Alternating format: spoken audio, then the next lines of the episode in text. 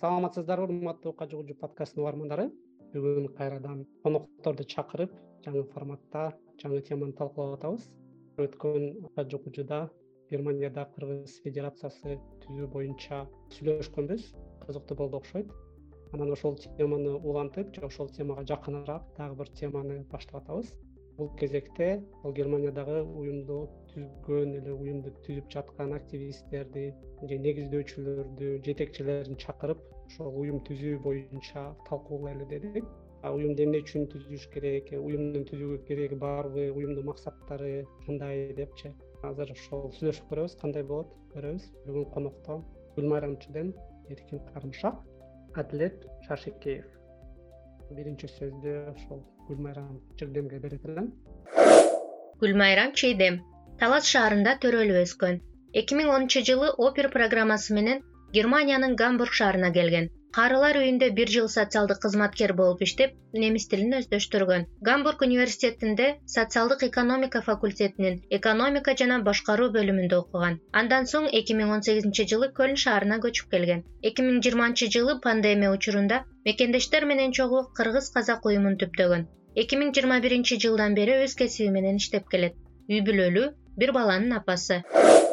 Гүлмайрам айым саламатсызбы негизи гүлмайрам менен биз бир жылдын ичинде ушу таанышып калдык го акыркы жолу ушуда мурас уюму деп түзүлүп мурас уюму ошол биздин жерде ддортмундда жашайбыз. Гүлмайрам айыбыз дюссельдорфто. Норт райн вестфален деген жерде уюм экинчи уюм болуш керек. Биринчи уюм кыргыз клуб түзүлгөн. Мурас жаңы түзүлдү. Анан ошол гүлмайрам айымдан сурайт элек эмне үчүн уюм түздүңөр уюмдун максаттары эмне уюмга кимдер кирет кандай иштерди жасадыңар кандай долбоорлорду жасадыңар максатыңар кандай азамат мырза саламатсызбы туура айтып кеттиңиз нрвда түзүлгөн уюмдардын ичинен экинчиси болуп эсептелет. Мурас кыргыз казак немис уюму деп тактап айтсам ошондой болот. Бул уюмдун түзүлүшү жана максаты жөнүндө токтолуп айтып кетсем биздин уюм мен негизи эле өзүм башынан активист болуп башка уюмдарда эмгектенип жүрчүмүн ошо сиз белгилеп кеткендей кыргыз клуб жомони уюмунда эки миң он үчүнчү жылдан он бешинчи жылга чейин клубдун эң бир активдүү мүчөлөрүнүн бири болгом. Анан кийинчерээк мен ошо эки миң он беште турмушка чыгып кеттим. Анан үй бүлөлүк шартка байланыштуу көп активдүү иш жасай албай калдым уюмдун алкагында. Эки миң жыйырманчы жылы пандемия убакта баарыбыз эле үйгө камалып калдык жылда барчу кыргызстанга бара албай калдык. Жада калса могу германиянын ичинде кыргыздар бири бирине жолукпай калдык.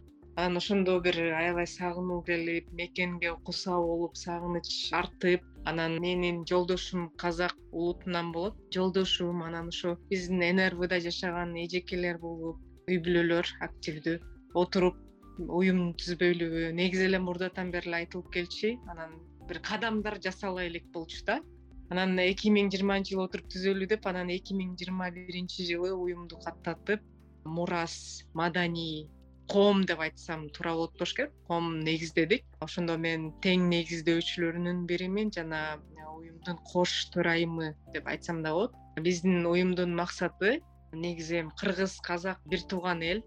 Биздин тилибиз да дилибиз да бир. Анан мурас деп жөн жеринен да койгон жокпуз. Мурас бул бизден кийинки муунга биз өзүбүз мисалы германияда азыр жүрүп көрүп атабыз.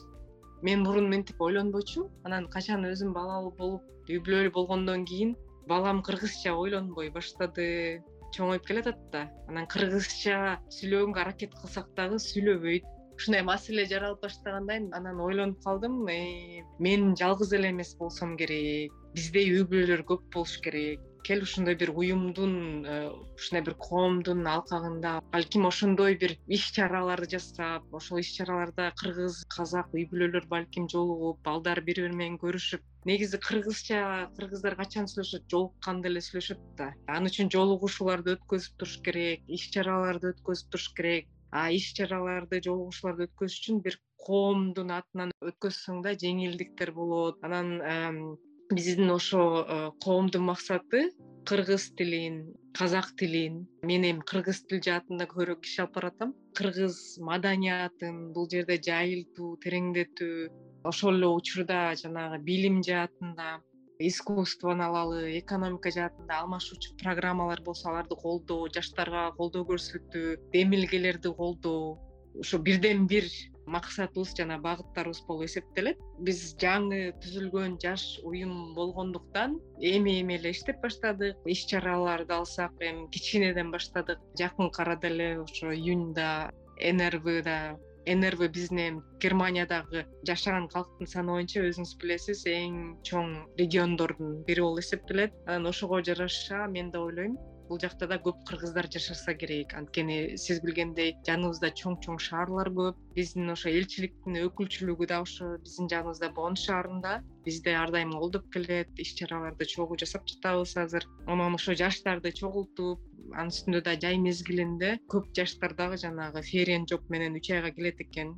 Кыргызстанды сагынган жаштар аябай көп экен жолугушуудан көрдүм анан ошол жолугушууга келишти ошол эле учурда бири биринен мындай маалымат алмашуулар жүрдү. Кичине да болсо бул мекенге сагынычын тарката алды деп эсептейм. Анан биздин балдар дагы барып алып ал жерде мен мамама окшогон атама окшогондор көп турбайбы деп мындай ошондой бир э, бир сонун бир көз ирмемдер сонун бир жакшы маанайда тарап кеттик да дагы эгер суроолоруңар болсо биздин уюмга мен эгер бир нерсени толуктап айтышым керек болсо айтып койсоңуздар болот.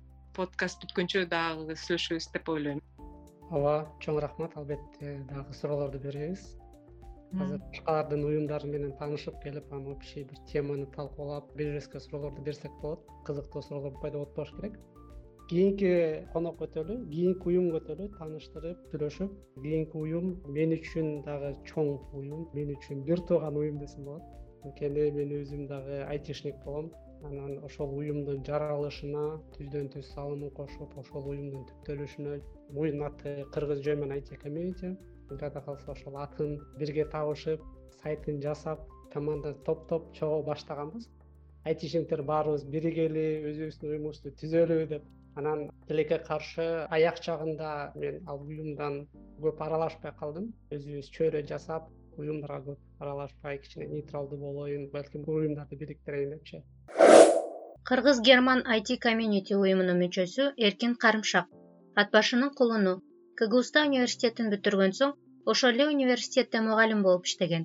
Кыргыз герман информатика бөлүмүндө айти тармагына тиешелүү эки долбоордо координатор болуп германияга эки миң тогузунчу жылы долбоорлордун алкагында келип калган.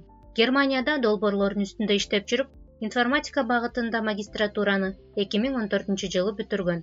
Алгач саксонияда банкта айти тармагында эмгектенип эки миң он сегизинчи жылдан бери бремен шаарында консалтинг компаниясында эмгектенип келет. Эркин мырзага эми суроо эркин мырза кыргыз жөмөн айти официалдуу түзүлдү баягы эле менин суроом ачык болчу эмне үчүн дагы бир уюмдун түзгөнүн себеби анткени бизде германияда он алты уюм бар. Уюмдар бири бирине окшош да болуп кетиши мүмкүн.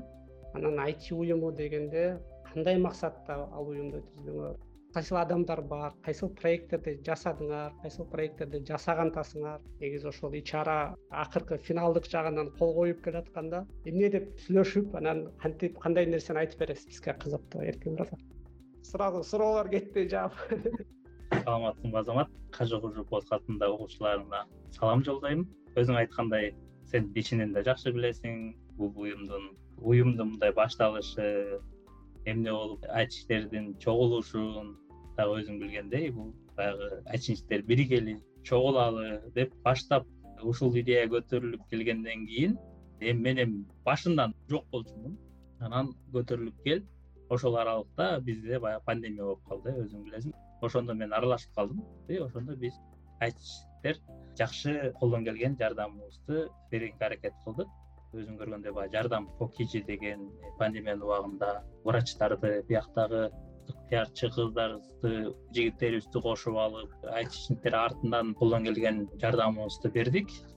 Биринчи биздин официалдуу боло электеги эле ишибиз ошол болду анан ошондон жүрүп отуруп өзүң айткандай уюм түзөлү эмне кылалы деген көптөн берки келаткан бул суроонун жообу дагы деле чечиле элек жообун такта жүз процент ага жооп бере албайм го. Мен эмнеге мынтип кеттик депчи анан бирок сен айткандай чын он алты уюм бар азыр дагы көбөйүптүр деп атат көбөйүп атат. Бирок мен ойлойм бул айти жагынан баягы биз германиядагы айтишниктерди чогуу бириктирели деген ой менен башталган ошол ой менен келатат анан бул айтидеги адамдарды бириктирүү эмес өзүң көрүп атасың азыр дүйнө жүзү айти деп кыйкырып атабыз э. Пандемияда көрдүк айтинин кандай бизге керек экенин. Ага чейин деле билчүбүз бирокчу ошондо айти тармагы бизге аябай маанилүү болгону көрүндү да. Анан ошондо өзүң билесиң ар бир мамлекетте азыр айти тармагындагылар чогулуп алып иш алып барабыз бир нерсе кылабыз деген ой менен биз деле ошол багытта чогулалы кел. Айтиге жардамы керек болгон адамдарга жардам берели азыр деле ошондой бул уюм болбосо дагы өзүнчө айти тармагында жүргөн германия эле эмес бөлөк мамлекеттердегилердин баары колдон келген жардамын интернет аркылуу берип атат. Бирокчу биз ошону мындай бириктирип иш алып барсак деген ойдо. Анан эмне кереги бар? деген суроо болду. Баягы бөлөк эмелер менен деле иштесек болот эле дегендейчи анан биз ошентип чечтик жок биз өзүбүзчө эле ошол айти багытында кыргыз герман айти комьюнити деп куралы анан э, бөлөк уюмдар менен дагы беребиз проекттер болсо айти тармагында болобу мына өзүң деле жүрөсүң чөйрөнү ошол болгон э, уюмдарды чогултайын ошолорго мындай интернетти же интернет сыяктуу баягы бирине байланыш болсо ошол байланышты курайын деп өзүң дагы мындай кандай аракет менен жүрөсүң ошондой эле биз деле биз андай аракет эмес биздики эми мындай сен көп өзүң активный адамсың го биз аябай активный эмес экенбиз ошон үчүн сен жок мен активный болоюн деп кетип калдың окшойт биз болсо мындай кичине пассивный болуп атпайбызбы бул уюмдун эмеси ошол экен да бул уюм бүт баарыбыз эле бул жерде билебиз. Бул өзүбүздүн жумуштан тышкаркы убактыбызды элдерге жардам көргөзүү ошонун кесепетинен эми баарыбыз эле иштейбиз баарыбыз эле үй бүлөбүздү багалы деген оюбуз менен кечинде келгенде кээ бирде убактыбыз болбой калат. Ар кандай э, немелер чыгып калышы мүмкүн. Бирок ошого карабай ошол акырындан болсо дагы жардам көргөзөлү деп ушул уюмду түзүп атабыз кудай буюрса азыр акыркы кадамы калды. Күтүп атабыз азыр. Бердик болгондо документтерибизди анан дагы көп суроо болушу мүмкүн. Эмнеге ушул аралыкка чейин жүрдүңөр? Эмне ылдам курулуп кеткен жок биз германияда өзүңөр билесиңер буякта бюрократ аябай күчтүү мына гүлмайрам айым деле билсе керек регистрациядан өтүш үчүн текшерүү булар аябай текшерет. Бул уюм биз өзүбүзгө киреше алып келбеген биз элдерге жардам беребиз деген түзүлгөн уюм. Баарыбыздыкы эле ошондой анан бирок ошондо аябай катуу каралат экен да. Биз ошондойго түшүп калдыкпы билбейм анткени азыр дүйнө жүзүндө кайсыл айти анан футбол. Футбол боюнча да уюмдар бар алар чоң акча менен. Анан айтини да ойлошот экен а силер да чоң акча менен жүрөсүңөр. Ошондуктан биздин узакка чыга болгон ошол болду. А силер айтисиңер да. Эмне үчүн антип атасыңар силер бул жерден киреше тапкан атасыңарбы деп аябай катуу текшерүү болуп улам улам барып улам барып отуруп жакшы ошонун баарын өттүк. Акыркы кадам калды. Кудай буюрса баары жакшы. Эми айтпайм биз аябай өзгөчө уюмбуз биз деле бөлөк уюмдардай жардам берели. Бирок айти жагында көбүрөөк багыт жазалы чоң рахмат эркин мырза анда биз кийинки конок өтөлү же кийинки уюмга өтөлү кийинки уюм биз үчүн дагы бул тема үчүн да абдан кызыктуу уюм. Бул кыргыз гамбург уюму. Кызыктуусу мурас уюму дагы кыргыз жоме айти комьюнити уюму дагы жаш уюмдар и официалдуу түрдө уже болушту а кыргыз гамбург уюму официалдуу түрдө боло элек бирок тарыхы менимче эскирээк мурдатан эле түптөлгөн уюм. Кыргыз гамбург уюмунун мүчөсү адилет шаршекеев ысык көлдүн ош мамлекеттик университетине караштуу арашан гуманитардык институтун бүтүргөн. Германияга эки миң он экинчи жылы экологиялык жыл деп аталган долбоор менен кары үй бүлөгө келип брендинг айылында бир жыл багбанчылык менен алектенген. Эки миң он үчүнчү жылы гамбург шаарына келип тил үйрөнүп жүргөн студент катары германияда калып университетке тапшырган. Учурда гамбург шаарында багбанчылык тармагында эмгектенет гамбургда уюмга бир жолу чакырды эле пандемия алдында. Пандемия болуп бара аткан бирок гамбургду айтат экинчи чикаго депчи. Германияда эң көп кыргыздар гамбургда депчи. Жолдо кетип баратсаң эле кыргызча сүйлөп учурашып эй жүрүү дейт. Абдан кызыктуу болуп атат ошо барып ошол атмосфераны көрүп таанышканга анан ошол кыргыз гамбург уюмунан бүгүн ошо адилет мырза менен тааныштык анан ошол адилет мырзанын уюм жөнүндө сурайлы дедик. Дагы билишимче ушул уюм түптөгөндөрдүн көбү активисттер америкага кетип калышыптыр. Анан ошондуктан да уюм токтоп калган сыяктуу көрүнөт да. Анан ошол уюм түзүлөйүн деген ою барбы же ошол бойдон калабы же кандай түзүлгөн тарыхы кандай болчу кандай иштерди жасаган ошол жөнүндө бир аз уксак адилет мырзадан саламатсыңарбы дагы бир жолу ооба туура айтып атасыз жакшы суроолор келди. Кыргыз гамбург уюму менин билишимче мен эки миң он үч гамбургка келгем. Ошол учурда эле негизи бар болчу. Биздин уюмдун негизи аты эле бар. Биз официалдуу түрдө эч кандай эч жака регистрация кылган эмеспиз. Ал уюмдун түзүлүшүнүн себеби өзүңүз айткандай биякта гамбургда кыргыздардын көп болгондугуна байланыштуу. Ошол гамбургдагы кыргыздарды бир ынтымакка чакырып бири бирибизге жардамдашып ошол эки миң үчүнчү жылы түзүлгөн убактарда кыргыздар азыркыга караганда кичине бир аз азыраак болчу да. Аны гүлмайрам деле жакшы билет. Ал убакта гамбургда жашап калган анан бизге аябай кызык болчу. Мындай кыргыздар менен бири бирибизге жолугуп мисалы майрамдарда отуз биринчи августта мисалы үчүн эгемендүүлүк майрамдашыш үчүн же жаңы жылдарда бир кичинекей жатаканалардын майрамдык кечелер өткөрүлө турган жерлерин алып ошол жерге кыргыздарды чогултуп ошол жерден бири бирибиз менен таанышып бири бирибизге мисалы жардамдашып ошондой негизде түзүлгөн биз биякта негизинен ушу гамбургда бир эле жалгыз мисалы мен алып барбайм. Бул жерде бияктагы болгон балдардын баарынын салымы бар. Биякта ар ким өзүнүн колунун келишинче жардам берет. Негизинен биякта мен келгенде адил турдубай марат майрамбек деген аябай жакшы активист балдары гамбург шаарында болушчу. Азыр болсо ошо турдубай адилдер америка жака алып кетишти. Ошол жерде азыр иштеп ошол жерде алектенип жүрүшөт. Туура ошол э, адилдер биякта болгон учурда кичине активдүүрөөк болчу. Анын себеби да бар анткени ал убакта корона жок болчу. Алар кетери менен корона башталды ошондон кийин элдер сыяктуу биз дагы мындай кичине пассивныйраак болушка туура келип калды. Ортодон көп концерттер болгон жок. Гамбургдун ичинен эле мисалы бири бирибизди тааныбай баштадык. Жаңы балдар кыздар келе баштады аларды тааныбай баштадык.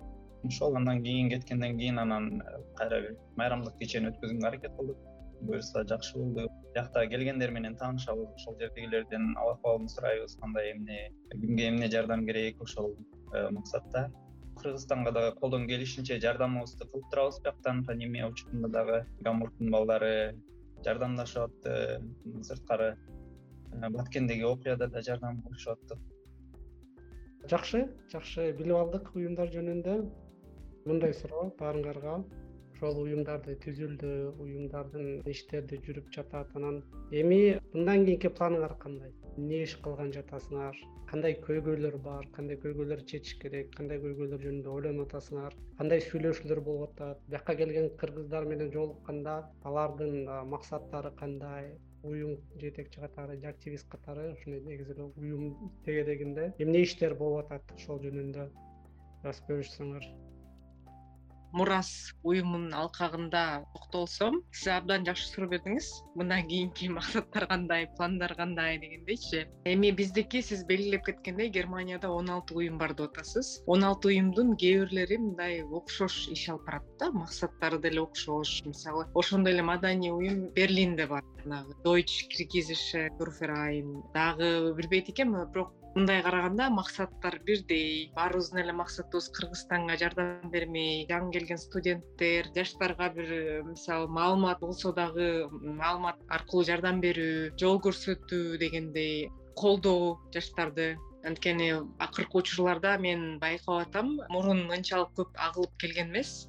Азыр могу интернеттин өнүккөнүнө байланыштуу маалымат тез жеткендигине байланыштуу биздин жаштар агылып келип жатышат жайкысын анан көбү мисалы көбүнчө учурда укуктарын билбегендери жөнүндө талкуулар жүрүп атат даярданбай келип алышып атат бул жакта. Анан кийин мисалы биздин жаныбызда элчиликтин өкүлчүлүгү болгондугуна байланыштуу биз элчилик менен тыгыз байланыштабыз. Ар кандай бир кырдаалдар болот учурлар болот ошондо биздин бир өкүлдөр мисалы нурзат эже зейнура бирназарова нурзат бардж ошондой эле менин жолдошум атила чидем хаячи чидем бул баары уюмдун негиздөөчүлөрүнүн катарында. Анан биздин сөзсүз бир өкүл консул менен барып мисалы ал абкалын сурап өткөндө ганноверде да бир кыз менен бир жагдай болду. Оор абалга түшүп калган экен мекендешибиз анда да барып биздин сөзсүз бир өкүл барып ошол жерде өз көзү менен көрүп маселени чечкенге жардам берип анан келишет да. Биз ошондой да иштерди алып барабыз. Тыгыз иштейбиз элчилик менен. Анан мисалы жакында эле ушу маданиятты өнүктүрүү жаатында кыргызстанда бир көйгөйлөр менен күрөшүп аткан адамдарды колдоо белгилүү адамдарды колдоо мисалы блогерлерди колдоо же журналисттерди колдоо деп айтсак болот. Мисалы назира айтбекова айым келип кетти. Келгенде жолугушууга шарт түздүк. Ага сиз деле өзүңүз катыштыңыз азамат мырза. Баардык уюмдардын өкүлдөрүн катыштырганга аракет кылдык. Шартка байланыштуу баары келе алган жок. Эми э, каникул учуру болуп калды. Бирок ошого карабай көп эле киши жолуктук ал жерде дагы талкуулар болду. Жакшы көйгөйлөр көтөрүлдү.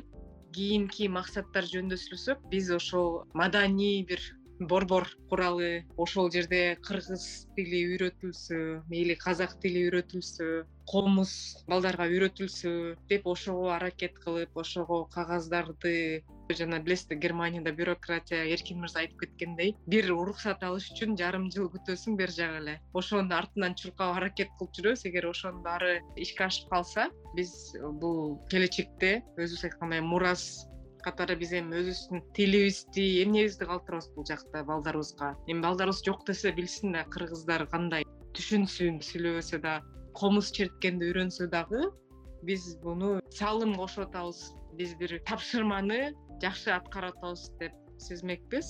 Анын үстүнө дагы биздин азыр кыргызстандан эстрада ырчысы мерген турган агай дагы биздин жаныбызда көчүп келди. Анан ал агай дагы колдоо көрсөтөм деп жатат. Мисалы балдарга комуз үйрөтсөк би үйрөтсөк бүт жан дили менен иштеп колдоо көргөзөм деп жатат мисалы ошондой эле бизге окшош уюмдар маданий уюмдар кандайдыр бир сунуштары болсо балким биргеликте ошондой иш чараларды жасасак деп ойлойм келечекте үмүттөнөм. Сиз менен да жакында бир проекттини жасадык тил бил деп. Кудай буюрса ал проект бүтүп бүт уюмдарга менимче бул жардам болот деп эсептейм. Ошол материалдарды ошол куралдарды колдонуп биз балдарга кыргыз тилин үйрөтө алсак бул биздин бир максаттардын бирине жеткен болобуз деп эсептейм. Чоң рахмат. Ооба мурас менен бир аймакта жайгашып калгангабы мурастын жумуштары менен көп кезигишип кетебиз. Конок болуп өткөндө эле жолугуп келгенбиз ырас жакшы иштер болуп атат. Жакшы айтып бердиңиз. Рахмат анан жанагы көйгөйлөрдү дагы бул эркин мырза дагы жакшы билет. Айти уюм болсо дагы айти уюмдан тышкары ошол көйгөйлөр чечишип жүрөт ар дайым баягы кулпунай берүүдөгү бир жагдай болгондо дагы эркин мырза жүргөн. Анан кийинки дагы жагдайда дагы эркин мырза жүрдү окшойт негизи. Андайды дагы уюмдан сырткары чечип кетет окшойсуз. Анан бирок эми кайра эле уюм жакка кайрылып келсек айти комьюнитиде эми кандай пландар бар? Кол коюп жасадык дейли. Анан эмне кыласыздар туура өзүң айтып кеткендей айтиден бөлөк дагы жумуштар чыгат экен. Кыргыздар маалыматты кичине азыраак алып алып келип ошол эмелер чыгып ошонун артынан эми ар ким өзүбүздүн регион жагыбызда эмне чыкса ошого жүгүргөнгө аракет кылып атпайбызбы колдон келгенибиз кичине убактыбыз болсо дагы чоң маселе чечпесек дагы барып баягы көп кыргыздарыбыз да тил билбей келип алат анан.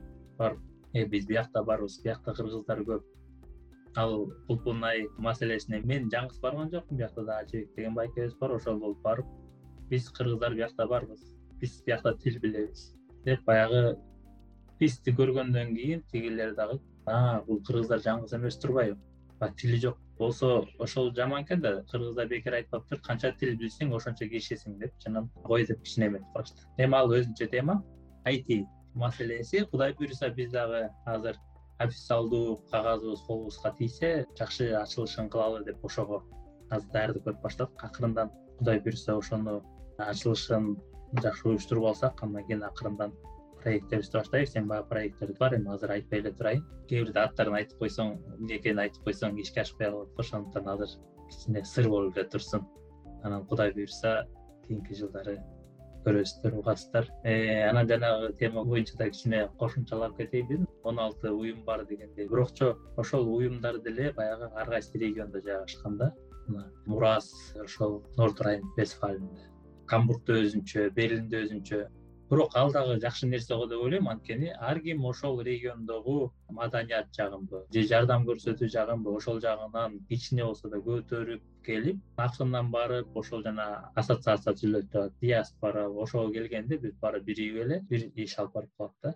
Анан биздин айти уюму болсо биз германия боюнчабыз да. Ошентип кичине кошумчалап кетейин. Бизде германиянын болгон тарабынан бар германия эле эмес чехиядан польшадан дагы бар. Анан мен ойлойм көп уюм болгону жакшы. Анткени бул уюмду эми бизден акча сурап атпагандан кийин. Кыйналдык дагы бюрократиясы көп жүгүрүп өткөзүп койсоң бирок кандай болбосун ошол региондо болобу бирдеме уюштурам десең сиз айтып кетти го жаңы эле гүлмайрам айым ганноверге барганда каяктан келдим ушундай уюмдун атынан келдим деген сен жөн эле киши болуп келбей уюмдун атынан келдим биз ушундай кыргыздардын уюмубуз деп барса ошол баягы немистер бөлөкчө кабыл алат кагазың болсо немистер мындайча айтканда ордунан тура калат да. Анан кагазың жок болсо жөн эле кирип барсаң айтышы мүмкүн. А сен жөн эле келиптирсиң сен кагазыңды алып кел андан кийин сүйлөшөлү деп коюшу да мүмкүн да. Ошондуктан менин оюм уюмдун көп болуп ушинтип кайсыл жагынан болбойлу жардам бере берсек барып эле мына өзүңөр деле айтып кеттиңер азамат мурас уюму менен жакшы иш алып барып атыптырсыңар ошондой эле. Колдон келсе биз дагы кудай буюрса айти эмтиги жылы дагы бир уюм менен иштешип может беш уюм чогуу бир проект алып барып калабыз мүмкүн он уюм биригип алып мына керек болгондо кыргыздарыбыздын жакшы жагы керек болгондо баарыбыз эле бириктик колдон келгенибизди бердик. Мына пандемия убагында мени аябай сүйүнткөнү ушул болгон тараптан бириктик колдон келгенче өзүң айткандай андан кийин тиги чек ара маселеси болуп кетти. Анда дагы болгон жерден биригип болгон жагыбыздан кандай кылалы эмне кылалы деп болгон аракетибизди жумшадык. Анан колдон келсе убакыт келсе аракет жумшай беребиз. Азыр эми ошол айти өзүбүздүн уюм боюнча айтканда ушул азыр биз ачылышын жакшы өткөзүп алалы деп ошого кам көрүп баштадык. Анан андан кийинки проекттерибизди азыр сыр катары калтырып туралы. Ошол чоң рахмат. Ачылышына чакыргыла обязательно барабыз. Баарыңар келесиңер долбоорлор кудай буюрса дагы кошулабыз жардам беребиз. Гамбургду өтөлү гамбург мага кызык болуп атат э, бизге бир аз алысыраак башка жерлерге жакыныраак болуп элек менимче бир алысыраак көрүнөт эмнегедирчи э, гамбург уюму боюнча айтып кетейин. Биз ушул гамбургдун тегерегинде бирем менен гамбург жакын элебиз да. Биз ушул жерде ганновер бирем менен гамбург үч бурч сыяктуу да. Ушул маданий жанагындай э, концерт болобу эмне болобу гамбургда болот. Анткени гамбургда кыргыздар көп. Анан биз дагы мындай гамбургка кирип калабыз да. Биз жакта гамбургда болгондо дайыма барабыз. Кандай иш чара болбосун ганновер менен бремен дайыма гамбургка барабыз. Жакшы анда адилет мырза гамбургдагы кыргыздар кандай жүрөт? Фейсбукта группаңар активдүү эмес болуп атат. Качан концерт уюштура деп атасыңар? Качан дагы бир чоң кипиштер башталат же кызыктуу иштер башталат? Эмне пландар бар? Кандай сүйлөшүүлөр болуп атат? Максаттарыңар жөнүндө айтып берсеңиз чоң рахмат. Негизи эми биздики көбүнчө спонтанно болот да көп нерселер. Туруп туруп эле бир нерсени ойлонуп же бир концерт же бир нерсе кылганга кээде шарттар болуп калат да ошондой нерсени уюштуруп койгонго. Негизи бул азыр үчүнчү сентябрда берлинде көчмө кубок пландалууда ошол жака келип турган ырчыларды негизи бизге да чакырсакпы деген негизи планда болгон. Бирок бизге кечирээк кабар келгендиги үчүн биз зал табып концерт уюштурууга кичине убакыт тар болуп калды. Ошондуктан биз быйыл концерт уюштура албай калдык тилекке каршы негизи мындай кечелер болгондо мисалы көчмө кубок же болбосо берлинде турнир болгондо келген ырчыларды негизи көбүнчө төрт бизде эле бөлүшүп алчу. Берлин алчу бияк жак өйдө жактан анан биз франкфурт менен мюнхен алчу. Быйыл тилекке каршы берлинде эле болот менин билишимче франкфуртта башка уюштуруу иши жүрүп жатат менин билишимче жыйырма жетинчи августта. Бизде болсо азырынча пока маданий тармагында пландарыбыз пока жок. Бирок биздики э, тез арада эле болуп калышы мүмкүн. Гамбургда биякта кыргыздар жакшы буюрса биз көбүнчө балдар менен бат баттан жолугушуп турабыз. Биякта бир отуз кыркка жакын бала жумасына бир жолудан жолугушуп бири бирибиз менен сагынычыбызды таратып футбол ойноп дайыма көрүшүп турабыз. Уюм болуу планы кызыктырып атса керек силер качан официалдуу түрдө уюм болосуңар дегендей. Менин оюмча биз азырынча официалдуу пока болбойбуз. Ага деле негизи бизге муктаждык деле жок десем болот. Биз официалдуу болбосок деле официалдуу түрдө бияка келген бияктагы кыргыздарга жардамыбызды берсек болот. Жанакы кулпунай тууралуу айтып кеттиңиздер. Менин билишимче бул биринчи жолу болуп жаткан жери жок. Бизде буга чейин мен могу акыркы үч төрт жылдан бери эле байкоомо караганда бул проблема аябай көп болуп келет да. Мунун негизи кыргызстан жактан чечкен туурабы деп ойлойм. Ошол жерден туура маалымат берип анан контрагында тууралап жакшылап келбесе анан биздин өзүбүздүн жаштарга дагы жакшы маалымат бербесе анткени буга чейин э, окуялар болгон. Ошондой ферин жоп менен каникулга жумушка балдар келген. Визаны колуна алары менен келип алышкан. Бияктан работодатель э, аларды кетирип жиберген алар он беш күн эрте келип алышкан. Кандайча андай келип алышканын да мен түшүнгөн эмесмин. Ошондой нерселерди болтурбаш үчүн ошо кыргызстандан туура маалымат берип медиа аркылуу болобу иши кылса аябай көзөмөлгө алыш керек деп ойлойм. Анткени бул эгер аны кылбасак бул кайталана берет да. Бул жыл сайын болгон проблемалар болот. Быйыл кичине дагы катуураак болду. Анткени менин билишимче дагы бир эки үч шаарда кырсыктар менен коштолду каникулга келген жаш улан кыздардын арасында ошол туура маалыматты берели деп ойлойбуз.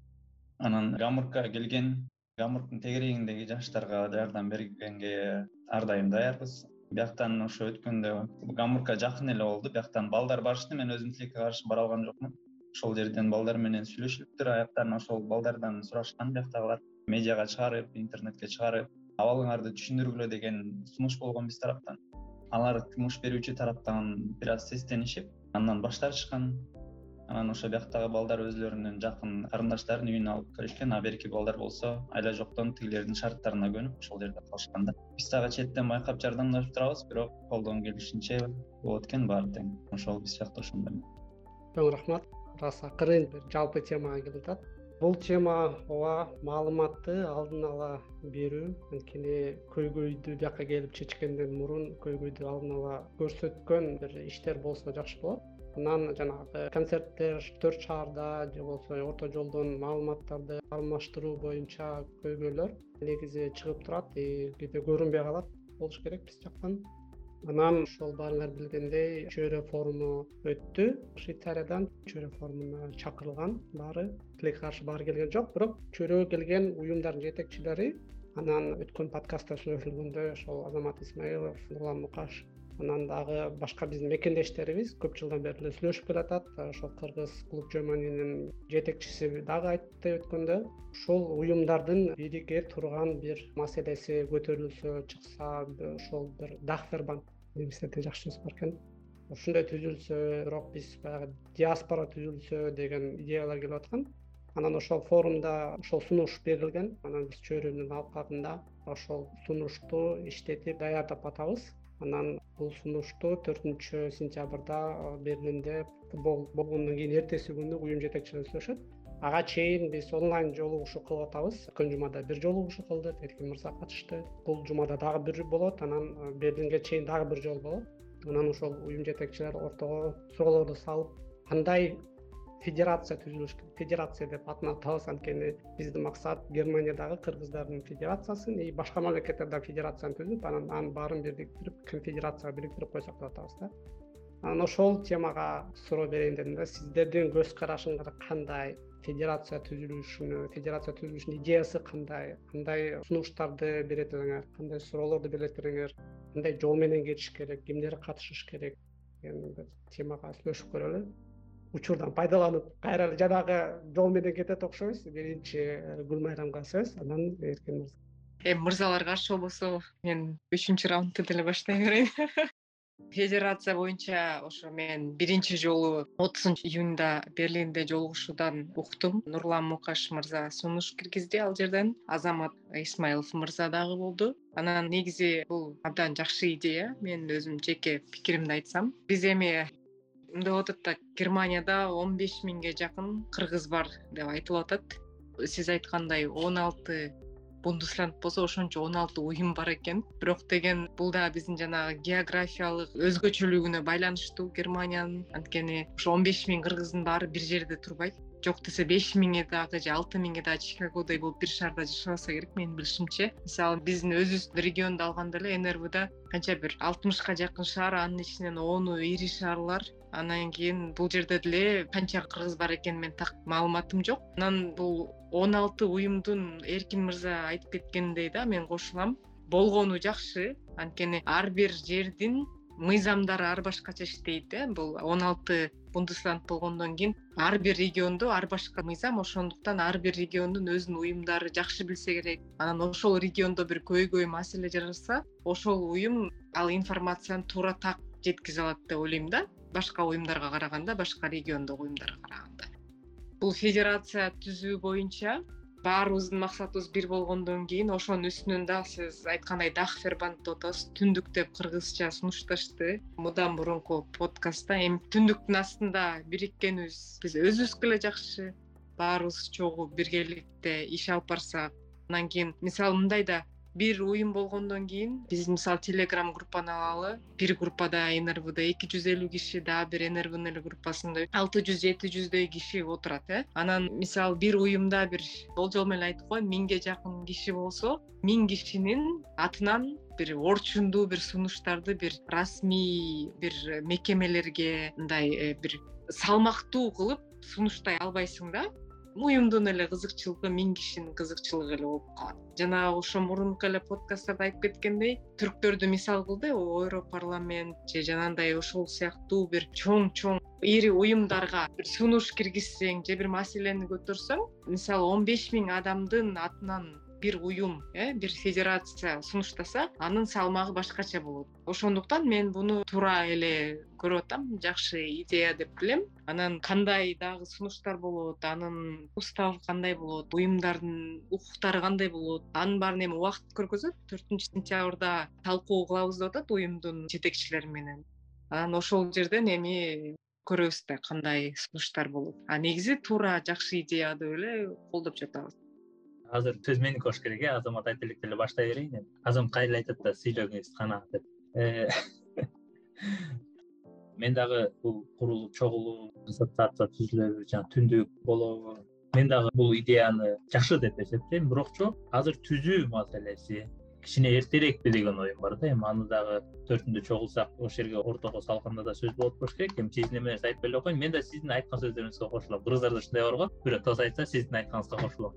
Бул э, жок чогулуп чогуу маселе көтөрүп орточо маселе көтөрүп чоң уюмдарга алып чыгып бул аябай жакшы идея. Бирок биз германияда түрктөр менен өзүбүздү салыштырып болбойт да түрктөрдүн тарыхы кичине бөлөкчө анан экинчи сиз айттыңыз он беш миң кыргыз деген бул кыргыз жарандары го деп эсептейм да. Анткени он беш миң кыргыз улутундагы кишилер германияда жок го дейм бул ошол кыргызстандын паспорту бар. Кыргызстандан келген он беш миң киши болуш керек. Мен билгени алар көп жерлерге чогуу барышат экен. Жанагындай бизде шайлоо болгондо көп катышышат. Берлинден да көрдүм бондон да көрдүм. Биздин өзүбүздүн эле ошол орус улутунда немис улутундан мурунку кыргызстандан көчүп кеткен кыргыз жарандары келип катышкандарын көрдүм. Ошолор да биздин уюмдарда жок да. Ошолор кошулса ошолорду дагы кошуп уюмдарыбызды чоңойтсок ошондо биз биринчи чечкенибиз ошол болмокпу деген оюм бар. Бирок биз азыр чогулуп ушул маселени көтөрүп төртүндө мына көтөрүп ушул маселе чыгат деп атабыз. Ушул талкуулайбыз. Кудай буюрса жакшы неме болуп атат ар бир уюмдан барышат мен да барганды айтып атам кандай болот ар бир уюм. Бул жерде баягы уюмдардын бизде мындайча айтканда чуркап калган уюмдарыбыз бар. Там туң басып келаткан уюмдарыбыз бар если балдарга салыштырсак менин билишим боюнча чуркап калган уюмдарыбыз аз там туң басып келаткан уюмдарыбыз көбүрөөк да. Ошолорго кыйын болуп калбайбы деген оюм бар. Бирок чогуу бир максатта чоң жумуш көтөргөнүбүз деле аябай жакшы. Барып эле ошого барабыз түндүк болуп ошо бир чоң маселе болгондо чогулуп бул жерде дагы азыр сиз айткандай ар бир уюмдун укуктары кандай болот эмне болот бул эми азыр баягы күнү сиз да катыштыңыз болуш керек. Баарыңар да катыштыңарбы? Чогуу уюм ассоциация түзүү боюнча. Бул жерде эми суроолор көбүрөөк экен. Кудай буюрса ошол суроолордун жоопторун төртүндө дагы талкуулайбыз жоопторун дагы алабызбы деген менин да чоң ойлорум бар. Бирок аракет кылышыбыз керек. Мүмкүн быйыл болбосо эмне жылы болот может эки жылдан кийин болот бирок анан дагы бул жерде бир оюм бар. Э, бул жерде уюмдарды эле чогултуп албай биздин активдүү германиядагы жарандарыбыз бар да. Мурунтан бери келип жүргөн бирок уюмдарда жок. Германияда уже он беш жыл он жыл жыйырма жыл болгон дагы өзүбүздүн кыргыз жарандарыбыз ошолорду дагы кошуп алардын дагы уюмда катышуучу катары кошсок жакшы болмок. Анткени биз азыр мына он алты уюмдун мүмкүн шартка байланыштуу он уюм же болбосо андан аз уюм катышып калышы мүмкүн. Ошолор аркылуу эле ассоциация же болбосо федерация түзүлүп калышы мүмкүн. Бирокчу бөлөк катышпай калган адамдардын үндөрү жетпей калабы деген да. Анткени ошол он беш жыл жыйырма жыл жашаган авторитети өйдө болгон жерде келип сүйлөгөндө ии бул мынтип айтты дегенчи ошолорду да унутпайлы деген оюм бар да. Чоң рахмат. Ооба уюм түзүү боюнча көйгөйлөр көп өзүңөр айтып кеткендей ал эми федерация түзүү болсо ошонун дагы эки үч эсе оор болуш керек. Анткени ар бир уюмдун жетекчилери лидерлер күчтүү адамдар. Анан албетте сүйлөшүүгө келгенде суроолор көп болот ага жооптор андан да көп болот. Анан ошонун ортосунан компромисстерди издеп анан кагаз алып толтуруп анан жолун тапкычакты дагы бир айлар анан жылдар кетет болуш керек. Көп иш. Эми ага чейин биз альтернатива катары ошол айтинин жолу менен чечимдерди сунуштап атабыз анткени мисалы азыр подкаст жазып отурганыбыз дагы айти менен зумдан эле жаздырып койдук атайын даярданбай туруп элечи анан ошондой сыяктуу эле биз айтини колдоп кошуп туруп ошол чөйрө платформасын жасап атабыз. Анан чөйрө платформасына европа конфедерациясы германия кыргыз федерациясы деп уюмдарды ачып группаларды ачып долбоорлорду ачып койдук ал жака сиздердин долбооруңар баарын кошуп койдук логотиптери менен анан мисалы берлинде сүйлөшүп отурган жерде официалдуу уюмдар кирсин деген сөздөр чыгат да же болбосо акчалар коштун депчи. А биз чөйрөгө кошуп атканда кандай уюм болсо кошуп кете беребиз да. Мисалы кыргыз гамбург уюмун кошуп койдук. Анан адлет мырзаны да официалдуу чакырып атам кирип чөйрө точка комго катталып ошол уюмуңузга катталып койсоңуз биз сизге уюштуруп качан берип коебуз дагы анан ошол жака жанагы сиз айтып аткан концерт болобу же болбосо сиздин уюмуңуз жөнүндө маалымат болобу киргизип турсаңыз болот да. Ал жакта анча активдүүлүк кеткен жок. Бир жолу киргизип анан а ушундай уюм бар экен ушунча катышуучусу бар экен деп турганга анан эркин мырзанын да сунушу жакшы болду ошол жака дагы мисалы активисттер деп туруп ошол активисттердин баарын каттап авторитеттүү кишилер деп туруп ал жака өзүнчө каттаттырып анан ошентип баарын каттаттырып койсок көрүнөт да кайсыл уюм канча адам менен келатат кандай иште иштеп баратат. Анан адамдарга оңоюраак болуш керек ошол сунушту айтып элем анан адлет мырза дагы биздин жана жабык телеграм группабызда да бар. Ал жактан да ушул сүйлөшүүлөрдү көтөрүп атабыз. Анан адлет мырзадан да сурап көрөйүн деп аткам. Сиздин оюңуз кандай? Кандай сунуштарды бермек кандай көйгөйлөрдү көрүп атасыз? Кандай болуш керек? Менин негизи өзү жеке пикирим. Бул демилгени бир түндүктүн алдында жалпы германиянын уюмдарынын чогулушун жакшы демилге деп ойлойм. Бияктан эми негизинен өзүм мурда айтып кеткендей гамбургда биз мындай бейрасмий уюм десек болот. Бул жерде мен мисалы жалгыз бир нерсени чечпейм. Мен бир нерсени чечердин алдында общий балдар менен кеңешип балдардын ыраазычылыгын алгандан кийин болот. Анан бирок бул федерация тууралуу негизи балдарга айткам алардын оюн сурагам. Көбү колдошкон. Мага да биринчи өзүмө негизи суроо болгону биз бейрасмий уюм болгон үчүн биз ошол жерге катышканга кандай болот деген суроолор болгон да. Катышсак болобу. Мен жеке өзүм үчүн мисалы уюмдун максаты биз мисалы каяка катышсак эмне иш алып барабыз кандай болот ошол суроолор негизи келген. Төртүнчү сентябрда катышканга буюрса аракет кылам. Болбосо дагы бир балабыз келет. Буюрса максат деген балабыз бар. Ал да азыр америкада негизи ал дагы гамбургдун эң активист баласы. Экөөбүздөн бирөөбүз албетте катышканга аракет кылабыз. Негизинен өзүмө да кызык. Мен ошол жерге барып ошол жерден дагы өзүм билбеген өзүмө кызык болгон нерселерди ошол жерден дагы өз кулагым менен уксам деген ниетим бар негизинен алганда жакшы деп ойлойм.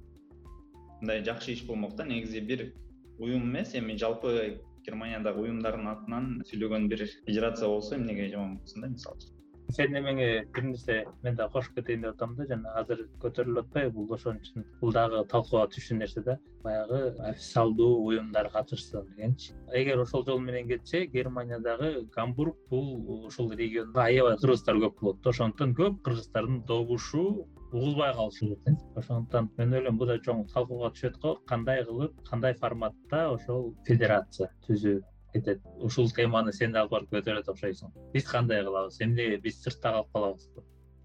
Эми мисалы ошондой болот да мисалы азырынча планыбызда жок расмий түрдө уюм болгонго анан эгер бизден расмий түрдө уюм болушубузду кааласаңыздар анда эки миңге жакын билимим бар да эки миңден даже ашыгыраак экен кыргыз гамбургда катталуучулар андан сырткары негизи гамбургда биз билип билбеген да кыргыздар негизинен аябай көбөйдү. Ошолордун үнү жок болуп калышы мүмкүн да ал жерден. Ошон үчүн катышканга албетте аракет кылабыз. Албетте өзүбүз болбосок дагы гамбургдун активист бир баласы болушун ошол жерде каалайбыз негизи болуш керек. Ошол жердеги маселелер угулуш керек. Андан кийин бияка келип биякта балдардын арасында ал нерсе дагы өзүнчө талкууга түшүш керек да.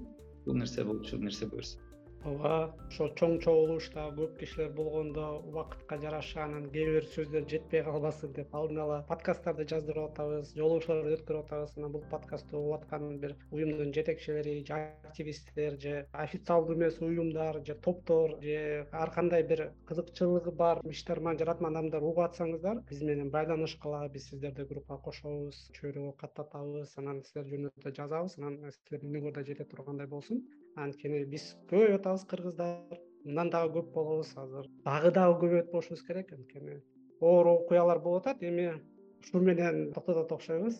Аябай жакшы жаздырдык жакшы талкууладык. Сиздердин келип бергениңиздерге рахмат. Ушундай кеч убакытта отуруп сүйлөшүп баарлашканыңыздарга абдан ыраазычылык билдирем. Баарыңыздар аман эсен болуңуздар. Тынчтык болсун анан алдыбызда жакшылык болсун. Чоң рахмат. Чоң рахмат азамат силердин командага да ийгиликтерди каалайбыз. Көп көп ушундай көйгөйлүү маселелерди көтөрүп чыгып элге жеткизгенге аракет кылып жүрө эле. Саламатта калыңыз а чоң рахмат баарыңыздарга ушундай мүмкүнчүлүк түзүп элге үнүбүздү жеткизгенге мүмкүнчүлүк берип жатканыңарга сүрдөп жатат окшойм ичине дагы деле мен дагы терең ыраазычылык билдирип кетем. Сиздин эмгектериңизди көрүп атам. Сиз ушундай чөйрөнү түзүп кыргыздарга бири бири менен баарлашууга мисалы ошол эле федерация маселесин көтөрүп атканда мүмкүнчүлүк түзүп берип атасыз. Мындайча айтканда кыргыздарды онлайн бириктирип жатасыз. Ишиңизге ийгилик каалайм. Баарыңыздарга жакшы кеч каалайм. Чоң рахмат. Анда биздин подкаст ушу менен аяктады эскерте кетчү нерсе чөйрө точка ком сайтына кириңиздер чөйрө платформасын даярдап койдук. Ошол жака кошулуу катталуу деп чоң баскычты бассаңыз деле катталуу формасы ачылат. Ал жака катталсаңыз чөйрөнүн ичине кирип каласыз да ал жакта долбоорлор бар. Жаратмандар отуруп күнү түнү иштеп атышат. Абдан кызыктуу иштер болуп атат. Ушу менен биздин подкаст аяктады. Жакшы туруңуздар сак саламатта калыңыздар